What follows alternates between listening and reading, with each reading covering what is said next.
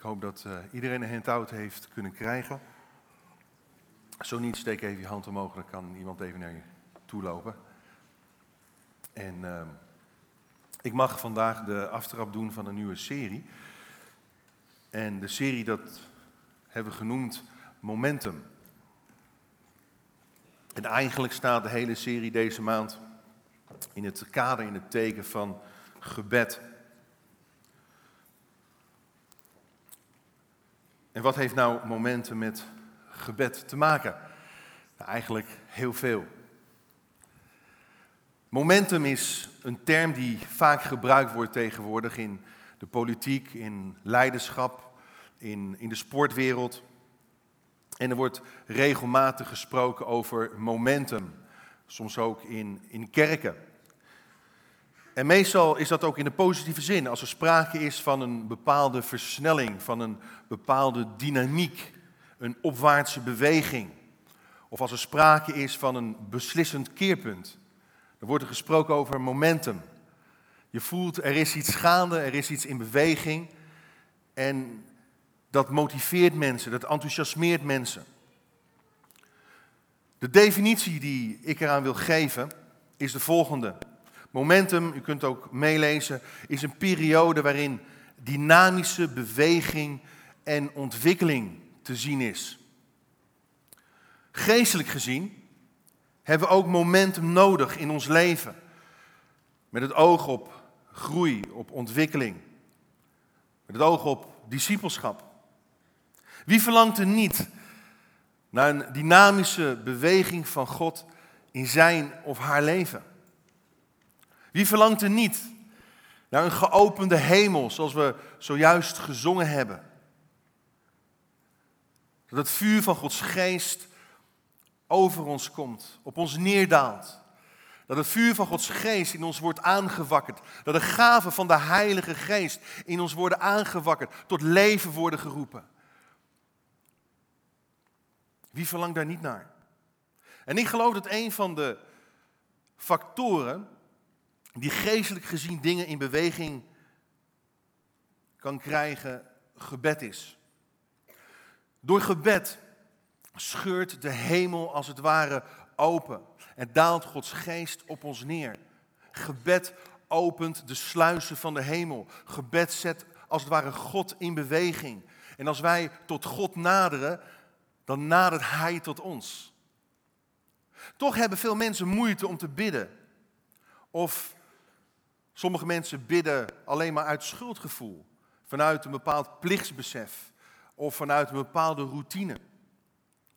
Sommige mensen bidden vanuit een bepaald wettisch denken. Van ach, als ik niet bid of niet genoeg of vaak genoeg bid, dan ben ik niet goed genoeg, niet heilig genoeg, niet geestelijk genoeg. Sommige mensen hier worden al moe bij de gedachte om te bidden. En het is jammer dat, dat voor veel mensen gebed een ingewikkelde zaak is geworden. Of soms misschien wel een, een worsteling.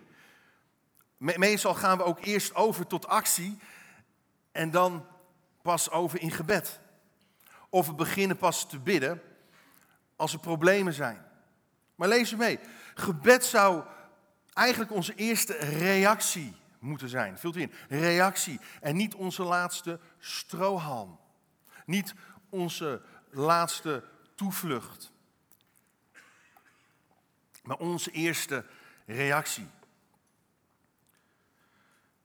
Toch vragen veel mensen zich af, ja maar waar moet ik nu mee beginnen als ik in gebed ga? Uh, wat moet ik nou precies zeggen of misschien niet zeggen als ik ga bidden?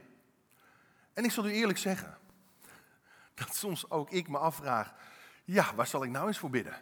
Um, even denken.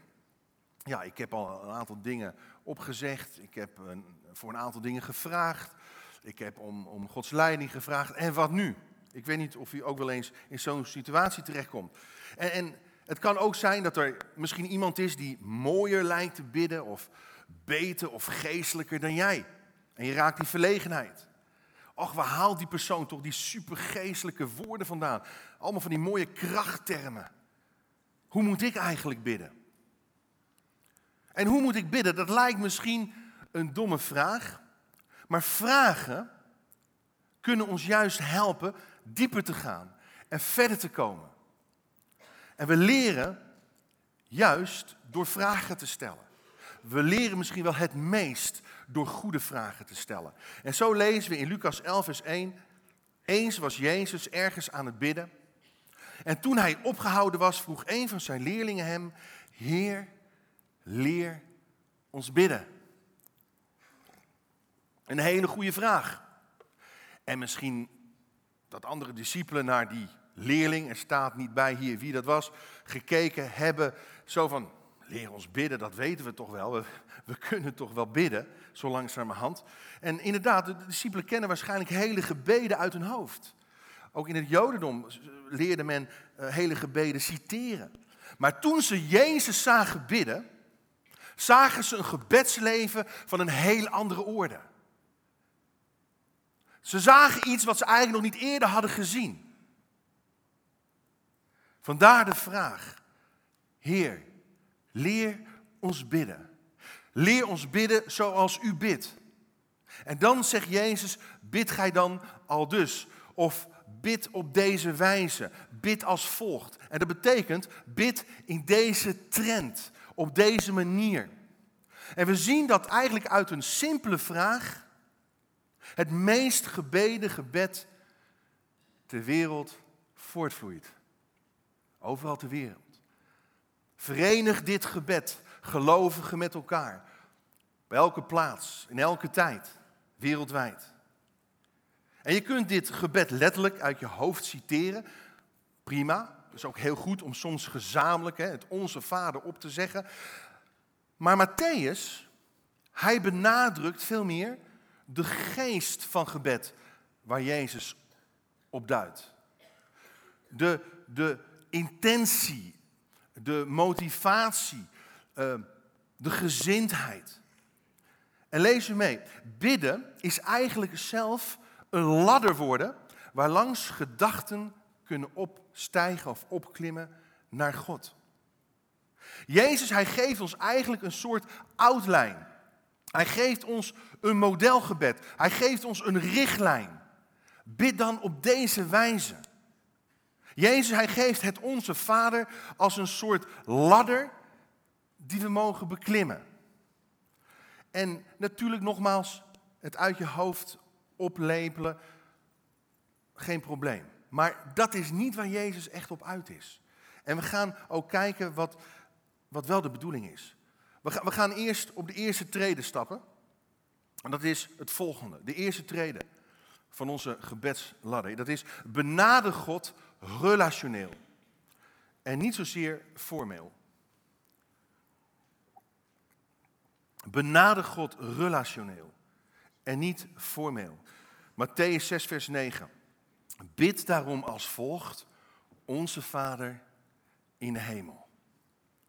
Onze Vader in de hemel. Er is eigenlijk nabijheid en afstand tegelijkertijd, maar het begint met die nabijheid. Onze Vader in de hemel. Con connect eigenlijk dus met God relationeel in eerste instantie en niet formeel. En we weten allemaal dat God zich openbaart als de Vader. Maar Vader is dus de naam direct die je mag gebruiken als je tot God nadert. En God wil heel graag dat je Hem als Vader aanroept. Hij wil niet afstandelijk zijn, maar intiem aanwezig en betrokken. Dus connect met God relationeel en niet zozeer formeel. Um, ik weet nog dat toen ik als klein kind um, in de gemeente van mijn, van mijn ouders was, dat ik soms erg verbaasd kon zijn hoe, hoe mensen konden veranderen tijdens het gebed. En um, soms maak je dat nog wel eens mee, maar um, als ik ze tegenkwam, dan, dan spraken ze in, gewone taal. En, en waren ze zichzelf en waren ze leuk en toegankelijk. Maar op het moment dat ze gingen bidden, veranderde een hele houding. Opeens werden ze heel geestelijk. En, en, en begon er een, een, ja, een bepaalde geluid uit voor te komen, zo heel statig. Oh, onze Vader. Oh, die in de hemelen zijt. En wat hebben die mensen gegeten, joh? Ze veranderden in, in, in, in een houding. Uh, in hun taal, sommigen begonnen zelfs in, in de statenvertaling te bidden. En, en sommigen hielden ook niet meer op, alsof ze hun stille tijd aan het inhalen waren. Maar dat, dat, dat hoeft helemaal niet. Ik, ik, wil dat, ik wil dat ook bewijzen, in de directe context waarin Jezus dit zegt. Want weet je wat Jezus zei in de context van het Onze Vader? Hij zei, vlak daarvoor, bid niet met veel omhaal van woorden zoals de heidenen die indruk proberen te maken op alle afgoden. Door van allerlei rituelen en, en, en, en, en toestanden te doen. Zij denken immers dat ze verhoord zullen worden omdat ze zoveel woorden gebruiken. En eigenlijk zegt Jezus, met andere woorden, wees gewoon jezelf. Als je begint te bidden, als je gaat bidden, wees gewoon jezelf. Je hoeft niet op God indruk proberen te maken. En weet je waarom niet? Omdat de Vader weet wat je nodig hebt voordat je al tot hem bidt. Maar Jezus zei ook, even iets terug in die directe context. Wanneer u bidt, ga dan uw kamer in. Doe de deur achter u dicht en bid dan tot uw vader die verborgen is. Waarom? Er waren bepaalde uh, priesters in die tijd die op de hoeken van de straten gingen staan en luidop begonnen te bidden zodat iedereen hen kon horen en zien. En daarvan zegt Jezus, dat zijn huigelaars. Want ze doen het om indruk te maken op mensen. Dus doe gewoon. Zoek een vaste plek om te bidden. Heel belangrijk. Al, al, al, zet je ergens in je kamer een gebedstoel neer, of in je studeerkamer, of op zolder. Maar zoek een plek, een vaste plek, waar je regelmatig je kunt terugtrekken om te bidden. En je vader in het verborgene, die ziet je en die hoort je en verhoort je. Je hoeft geen indruk op andere mensen proberen te maken als je bidt. En ik geloof dat ons godsbeeld ook heel bepalend is. Heel belangrijk is in ons gebedsleven, heel veel invloed heeft. Kijk, je godsbeeld bepaalt of beïnvloedt in grote mate namelijk je relatie met God. Hoe je tot Hem nadert. En we richten ons niet tot een, een, een strenge boeman. We richten ons niet tot een vage kracht in het universum of tot een wazige figuur in het heelal. Nee, we richten ons tot de Vader. Tot de Vader. God wil de Vader zijn van genoeg tijd. Hij wil de Vader zijn van genoeg aandacht. Hij wil de Vader zijn van genoeg zorg. Hij wil de Vader zijn van genoeg kracht. Vader, het is zo mooi dat we geen slaaf meer van de zonde zijn, maar een kind van God. En weet je, God verheugt zich als we Hem Vader noemen. De eerste woorden van al mijn kinderen waren papa. Vond ik zo mooi, hè? Ja, mijn vrouw zegt nee. Maar dat is zo mooi, hè? Als ze dan papa zeggen tegen je. Fantastisch. Daar word je blij van. God wordt blij als je tot hem komt en zegt: Vader, papa, hier ben ik. ik. Ik ben gewoon mezelf. Ik ben gewoon. Ik hoef me niet alles voor te doen. Heer, hier ben ik. Hier ben ik. Tegelijkertijd, hij is wel de Vader in de hemelen. Dus het is niet respectloos of zo. Maar er staat in Galaten 4, vers 6. En om te bewijzen dat u zijn kinderen bent, heeft God de geest van zijn zoon in ons hart gezonden. En die geest roept, Vader, mijn Vader. U bent dus niet langer slaven, maar kinderen. En als kinderen bent u ook erfgenamen. Erfgenamen van de zoon van Jezus Christus. Dat was de eerste trede. Benader God niet zozeer formeel, maar relationeel. Ten tweede, focus op de naam van God en niet op de naam van je gebrek of je nood. Focus op de naam van God en niet zozeer op de naam van je probleem, van je moeilijkheden. Op de naam misschien wel van je tekortkomingen. Focus op de naam van God. Laat uw naam geheiligd worden, zegt Jezus. En de naam van God is het karakter van God. In essentie betekent Gods naam de betrokkenen, de aanwezige. En nadat je God relationeel benaderd hebt, ga je focussen op wie Hij is. Focussen op Zijn eigenschappen. Focussen op Zijn karakter. Enerzijds mag je jezelf zijn, Maar anderzijds betekent dat niet dat je zonder respect, zonder ontzag tot Hem nadert. O Heer, laat uw naam geheiligd worden. Dit is een declaratie, een verklaring ook van Gods autoriteit, van zijn gezag. Het heilige van de naam van God betekent dat hij geëerd wordt, dat hij verheerlijkt wordt en dat zijn heiligheid ook jouw leven mag doorstromen. Dus je vraagt tegelijkertijd ook om reiniging, om heiliging.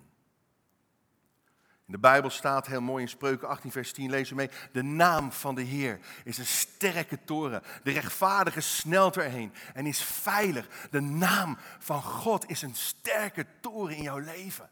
Daar mag je je naartoe haasten en, en je vuilig inschuilen. Hij is jouw toren. Die naam is als een toren. Met andere woorden, het is zo belangrijk als je, als je God eerst als vader hebt aangeroepen, als vader hebt benaderd, intiem, persoonlijk, relationeel, dat je vervolgens de namen van God gaat uitspreken. Als je niet meer weet wat je moet bidden, ga bedenken wat voor namen God heeft. Hij, heeft ontzettend veel namen. Dus benoem de namen van God als rechtvaardige vader, als geneesheer, als vredevorst, als voorziener, als beschermer, als heilige, als verlosser. Zijn naam betekent dat hij er voor je is in al zijn eigenschappen. Dus ik focus op de naam van God en niet zozeer op de naam van mijn problemen, de naam van mijn tekortkomingen of moeilijkheden, wat ze ook mogen zijn. Nee, ik ga me focussen eerst op de naam van God. En dan worden die kleine, die problemen steeds kleiner, steeds kleiner, irrelevanter. Want hij zit op de troon en niet ik. De naam van de Heer is een sterke toren. David, hij beschrijft dit meestelijk in een lied. De achtergrond waarschijnlijk is dat hij um, de ark weer terugbracht in de tabernakel. En, en, en, zodat de heerlijkheid van God weer in, in het volk van God zich kon openbaren. En, en het is niet alleen de namen van God uitspreken, je kunt ook de namen van God bezingen. David zegt, lees mee, zing voor God. Bezing zijn naam. Maak ruim baan voor hem die door de vlakten rijdt. Heer is zijn naam. Jubel als hij verschijnt. En dan komt er een opsomming van een aantal eigenschappen van God de Vader. Vader van wezen, beschermer van weduwen, God in zijn heilig verblijf. God geeft eenzamen een thuis en gevangenen vrijheid en voorspoed. Maar opstandigen zullen wonen op dorre grond. Maar zing voor God, bezing zijn naam. Daardoor maak je ruim baan voor hem die door de vlakte rijdt. En als God door de vlakte rijdt, wat wil hij dan doen? Een vader, een vader zijn voor de wezen.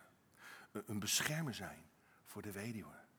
Hij wil de eenzame een thuis geven. En gevangenen vrijheid en voorspoed. Oh, God is een goede God. God is een goede God. Dit is zo'n positief gebed. Oh, dit, dit, dit zit vol energie, dit gebed. Want we gaan verder naar de derde trede. De derde trede. En je kunt dit gebruiken op je connectgroep. Je kunt dit gebruiken in je eigen stille tijd. Maar bewaar deze hand-out. Dit zal je gebedsleven verrijken. Ten derde, richt je aandacht eerst op wat God wil. En dan pas op wat jij verlangt. Richt je aandacht eerst op wat God wil. En dan pas op wat jij verlangt. Laat uw koninkrijk komen, zegt hij. En u wil gedaan worden op aarde zoals in de hemel. Dit is eigenlijk best wel een confronterende trede, als ik het zo mag zeggen. Want dit heeft eigenlijk met onderwerping te maken. Je onderwerp je aan Hem. Je onderwerpt jouw wil aan Zijn wil. Je onderwerpt jouw leven aan Zijn leven. Je geeft je als het ware over aan de wil van Zijn koninkrijk. Richt je eerst op wat Hij wil. Weet je, het heeft met het volgende te maken. Presenteer niet meteen je verlanglijstje. Maar concentreer je eerst op wat God wil. Op wat Hij zegt in zijn woord. Onderwerp dus ook je verlangens aan zijn woord. Natuurlijk wil God ons ook de verlangens van ons hart geven. En mogen we onze wensen bij Hem bekendmaken, onze weg op Hem wentelen. En Hij zal het maken. Maar het gaat altijd eerst om de belangen van zijn koninkrijk en het doen van zijn wil. En als we meer hemel op aarde willen zien, dan begint het hiermee. Dat we onszelf onderwerpen aan zijn wil. En wat is zijn wil? Heel concreet, er staan een aantal zaken in, in het woord van God die de wil van God beschrijven. God wil onze heiliging, onze reiniging. Zonder reiniging zullen we God niet kunnen zien. Eh, God wil dat we Hem onophoudelijk danken en onophoudelijk bidden in alle omstandigheden, onder alle omstandigheden. God wil dat alle mensen tot erkenning van de waarheid komen, dat mensen gered worden. hey, ik wil je een vraag stellen. Hoe vaak heb jij afgelopen week gebeden voor iemand die niet gelooft? Hoe vaak heb je voor iemand gebeden in je omgeving die God niet kent? Dat is God. God wil dat zijn koninkrijk komt om wat te doen? Om mensen te redden. Om bevrijding en genezing te brengen. Om zijn licht te brengen. Om hoop te brengen in een wereld zonder hoop. En licht in een wereld van duisternis.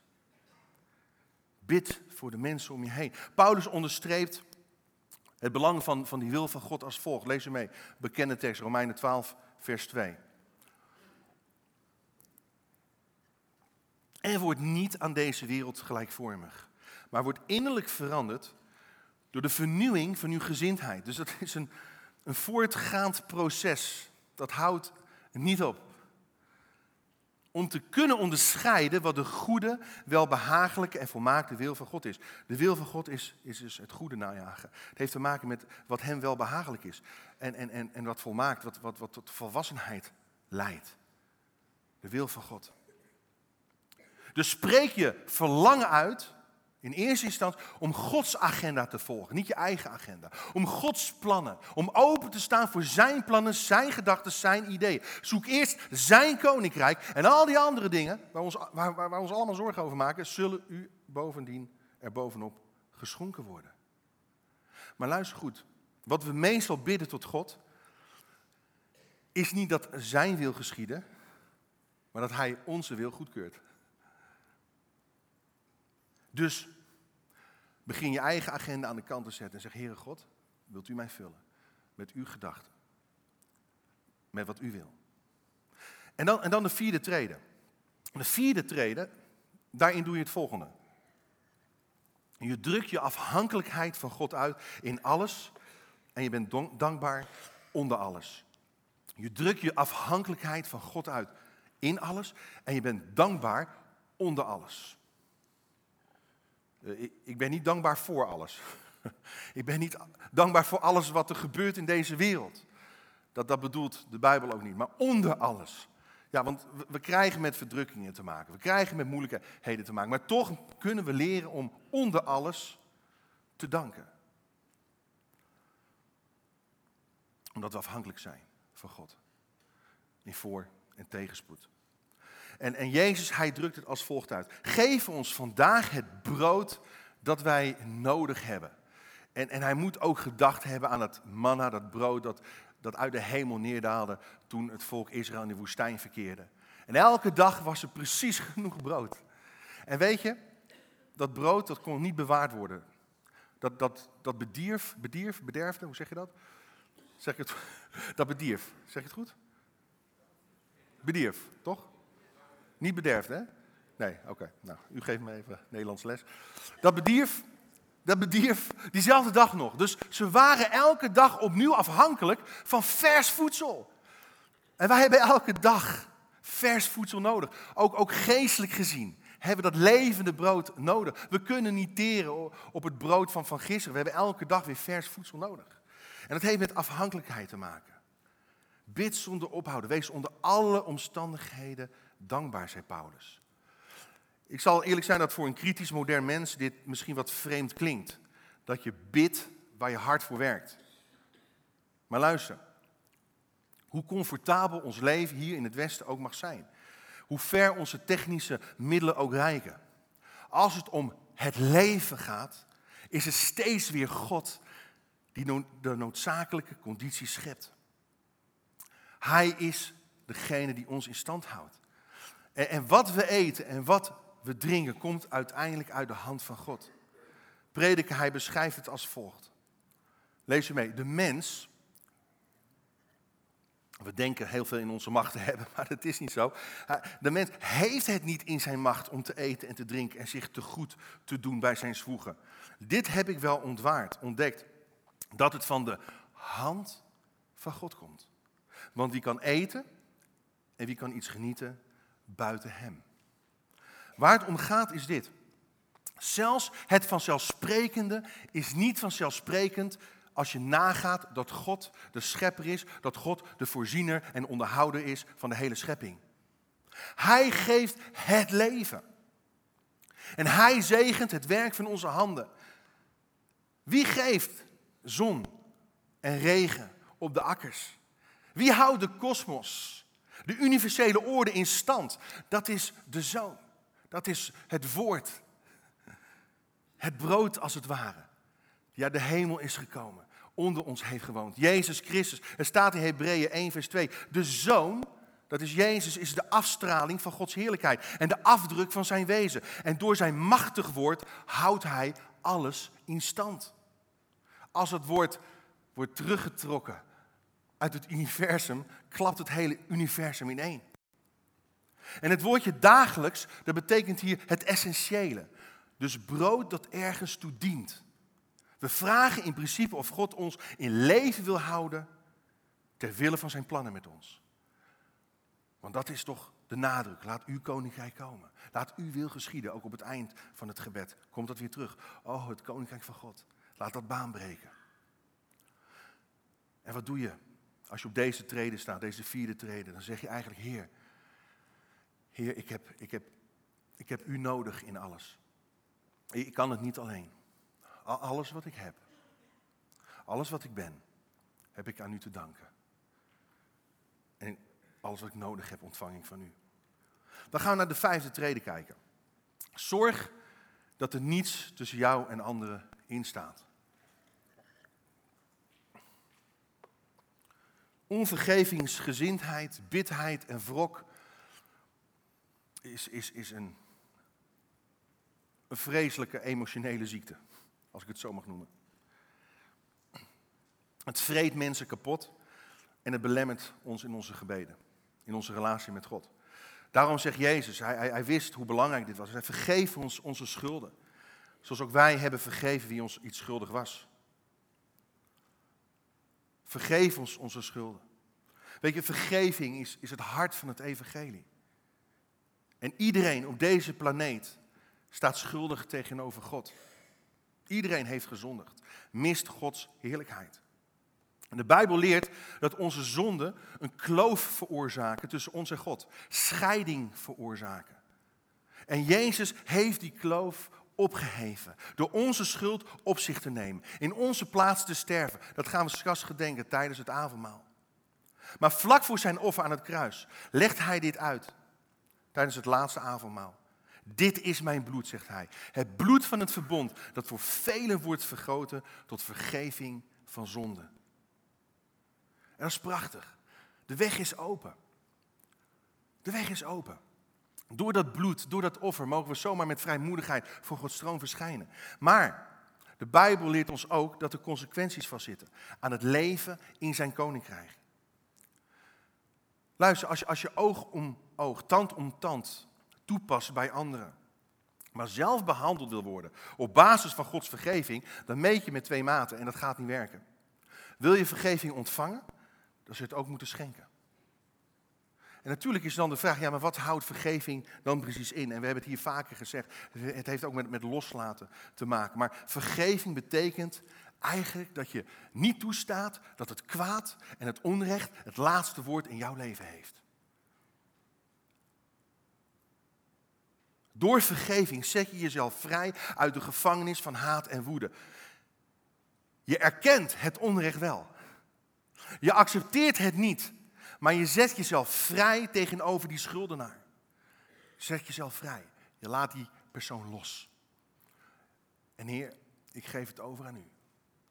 U bent de rechtvaardige Vader. U, u doorzoekt alle harten. U doorgrondt onze harten. Ik, kan niet alles doorzien, u wel. Ik laat de, de, de wraak aan u over. Weet je, geloven in Christus zonder elkaar lief te hebben is geen optie, maar een illusie. Geloven in Christus zonder elkaar lief te hebben, is een leven in leugen en duisternis. Pas daarvoor op.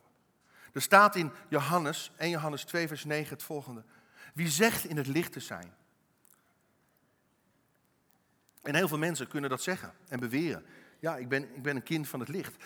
Maar, maar zijn broeder of zuster haat, het woordje haat kan ook vertaald worden met minachten, bevindt zich nog altijd in de duisternis.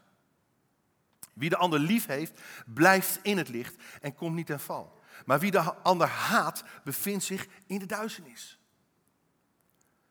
Dus het is heel belangrijk om, om ook op deze treden je hart te onderzoeken.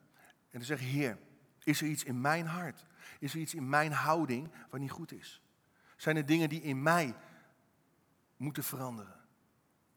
Niet wijzen naar de ander. Zijn er dingen in mij die moeten veranderen? Is er iets wat in mij anders zou moeten? Heer, wat, wat staat er tussen mij en een ander in? Haal dat weg. En dan de zesde treden. Dat is eigenlijk de laatste treden, want ik, heb ook, ik ben ook de dienst begonnen met, uh, met Onze Vader op te lezen in de, uit de, het boekvertaling, ook de MBV-vertaling. De nieuwe vertalingen, die eindigen niet met de doxologie, noemen ze dat, met de lofprijzing. Die eindigen eigenlijk uh, met deze zesde treden. Hele oude geschriften, die hebben niet de, de zevende treden die ik ga noemen. De MBG-vertaling en de herziene uh, staatvertaling heeft het wel, maar goed. Het heeft waarschijnlijk te maken met ook het feit dat het, het, heel Joods was om ook te eindigen met een lofprijzing. Dat ze dat hebben toegevoegd in de tweede, derde eeuw na Christus. Doet er even niet toe. Maar de zesde treden is eigenlijk de laatste treden. Dat heeft met het volgende te maken. Neem onbevreesd je positie in en bied weerstand in de geestelijke oorlog. En, en misschien zijn hier mensen die zeggen geestelijke oorlog. Daar heb ik, nou, daar heb ik nog nooit van gehoord. Geestelijke oorlog, wat is dat nou weer? En, en die verhalen over de duivel, die neem je misschien niet zo serieus en, en dat soort zaken. En bepaalde dingen worden ook heel veel uitgevlakt in deze tijd. Ook volgende week heb je de Boekenweek op school, hè, de basisscholen. En het staat in de kader van, van griezelen, griezelverhalen, spoken, heksen en dat soort zaken. Ach ja, dat moet toch allemaal kunnen. En, en uh, mensen in onze gemeente hebben er al wat van gezegd uh, naar de schoolleiding toe. En wij zelf hebben uh, en ik, morgen een, afspraak, een oude gesprek, waar we ook hierop in willen gaan. Want hé, hey, uh, het, is, het is best wel serieus. Er is echt een geestelijke oorlog. En, en Jezus, hij zegt om die reden, breng ons niet in beproeving, maar red ons uit de greep van het kwaad. Het kwaad kan ook vertaald worden met de boze. Breng ons niet in beproeving of leid ons niet in verzoeking, maar red ons uit de greep van het kwaad. En dit punt, deze trede, bevat zowel goed nieuws als slecht nieuws. Ik wil even een vraag stellen. Wat, wat hoor je het liefst? Het goede nieuws of het slechte nieuws? Wie hoort het liefst het eerst slecht nieuws? En daar, ja, tuurlijk, daarna het goede. Ja, daarna het goede. Wie, wie hoort liever eerst het slechte nieuws? Ook, ook ja. ja, goed. De, en daarna het goede, hè? of uh, zeg ik het goed? Nou, in ieder geval. Um,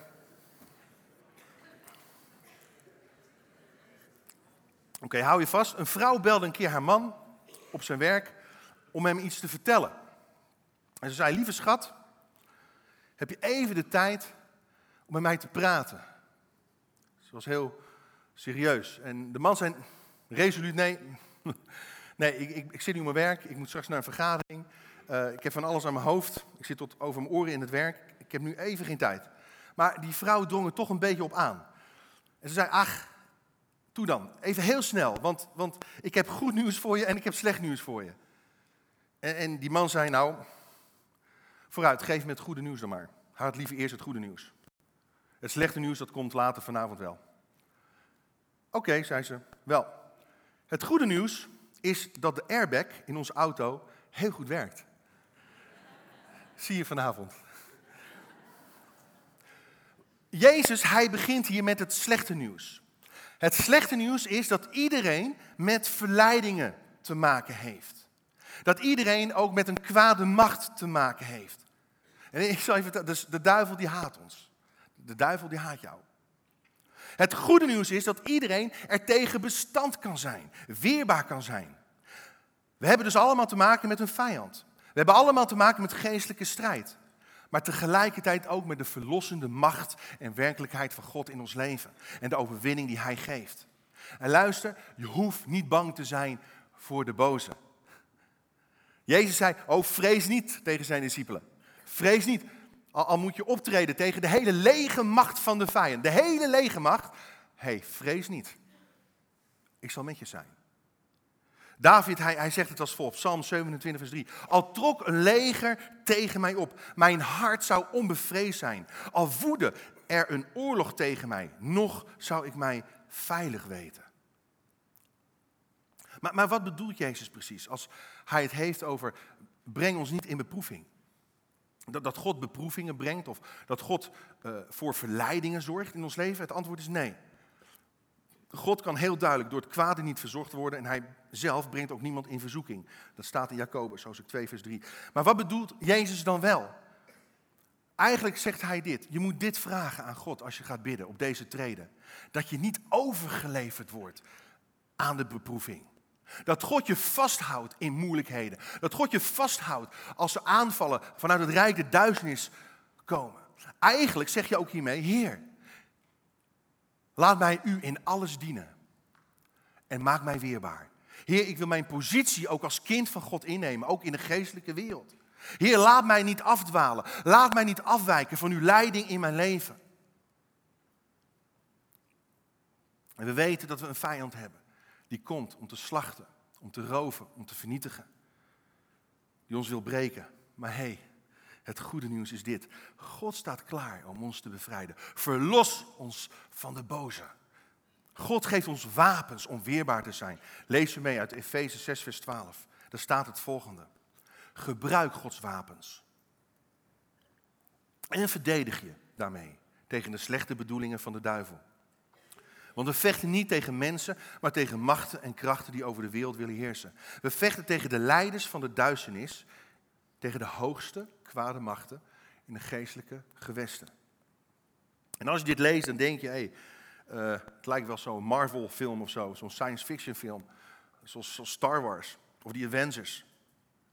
Maar de Bijbel maakt duidelijk dat er een hele reële geestelijke oorlog woedt. En als er machten zijn van het kwaad, dan moeten we dit serieus nemen. Dan, dan moeten we onze positie gaan nemen, ook in de gemeente en in onze gezinnen. Dan, dan, dan, moeten we bereid zijn om te strijden, om te vechten voor onze kinderen, om te vechten voor onze gemeente, om te vechten voor elkaar als we worden aangevallen. Dat is heel belangrijk. En dan de zevende treden. Heel kort, spreek je geloof uit in Gods eeuwige kracht en geef Hem altijd alle eer. Als er verlossing is gekomen, als er bevrijding is gekomen, als er voorziening is gekomen, als er uitreddingen zijn gekomen, dan moet je niet dit doen. Oh, wat ben ik toch geweldig. Nee, dan moet je zeggen, Heer, ik geef alle eer aan u. Dankzij u. Jezus zei, want van u is het koninkrijk. En van u is de kracht. En van u is de heerlijkheid. Tot in eeuwigheid. Amen. Alle eer komt weer terug bij God.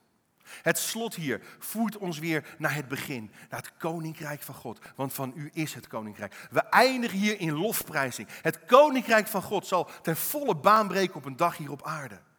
En lieve mensen, dit is een gebed waarvan het koninkrijk van God het begin en het einde is.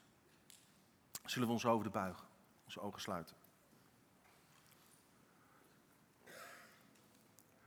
Weet je, het gebed verandert God niet, maar ons wel. En ik wil je dit zeggen. Het kleinste verzoek is niet te klein voor God. En het grootste probleem in jouw leven is nooit te groot voor God. Want van Hem is het koninkrijk. En van Hem is de kracht. En van Hem is de heerlijkheid. Tot in eeuwigheid. Heer, u bent de eeuwige. En ook vandaag, vanmorgen, wilt u uw armen van eeuwige liefde om ons heen slaan. Heer, u laat ons met, met uw goedheid. U laat ons met uw goddelijke kracht en energie. U overspoelt ons, Heer, met uw liefde en genade. En Heer, help ons om ook uit die vergeving te leven. Door vergeving weer te schenken. Dat we niet vasthouden aan, aan onrecht of, of beledigingen of, of kwetsende dingen of wat dan ook, Heer. Maar dat we dat loslaten. Heer, zodat we verder kunnen gaan. Zodat u ruim baan kan maken in onze levens en door ons heen naar anderen toe. Heer, dank u wel. Dat het niet om, om onze wil gaat, maar om uw wil. En u wil het goede, Heer. U wil het, het welbehagelijke en het volkomen in ons uitwerken. Heer, dank u wel, Heer, dat we het avondmaal met elkaar mogen vieren. En Heer, dat u mensen geneest, dat u mensen aanraakt. Heer, dat u mensen vult, Heer, met uw genade. In de machtige naam van Jezus. Dank u wel. Amen.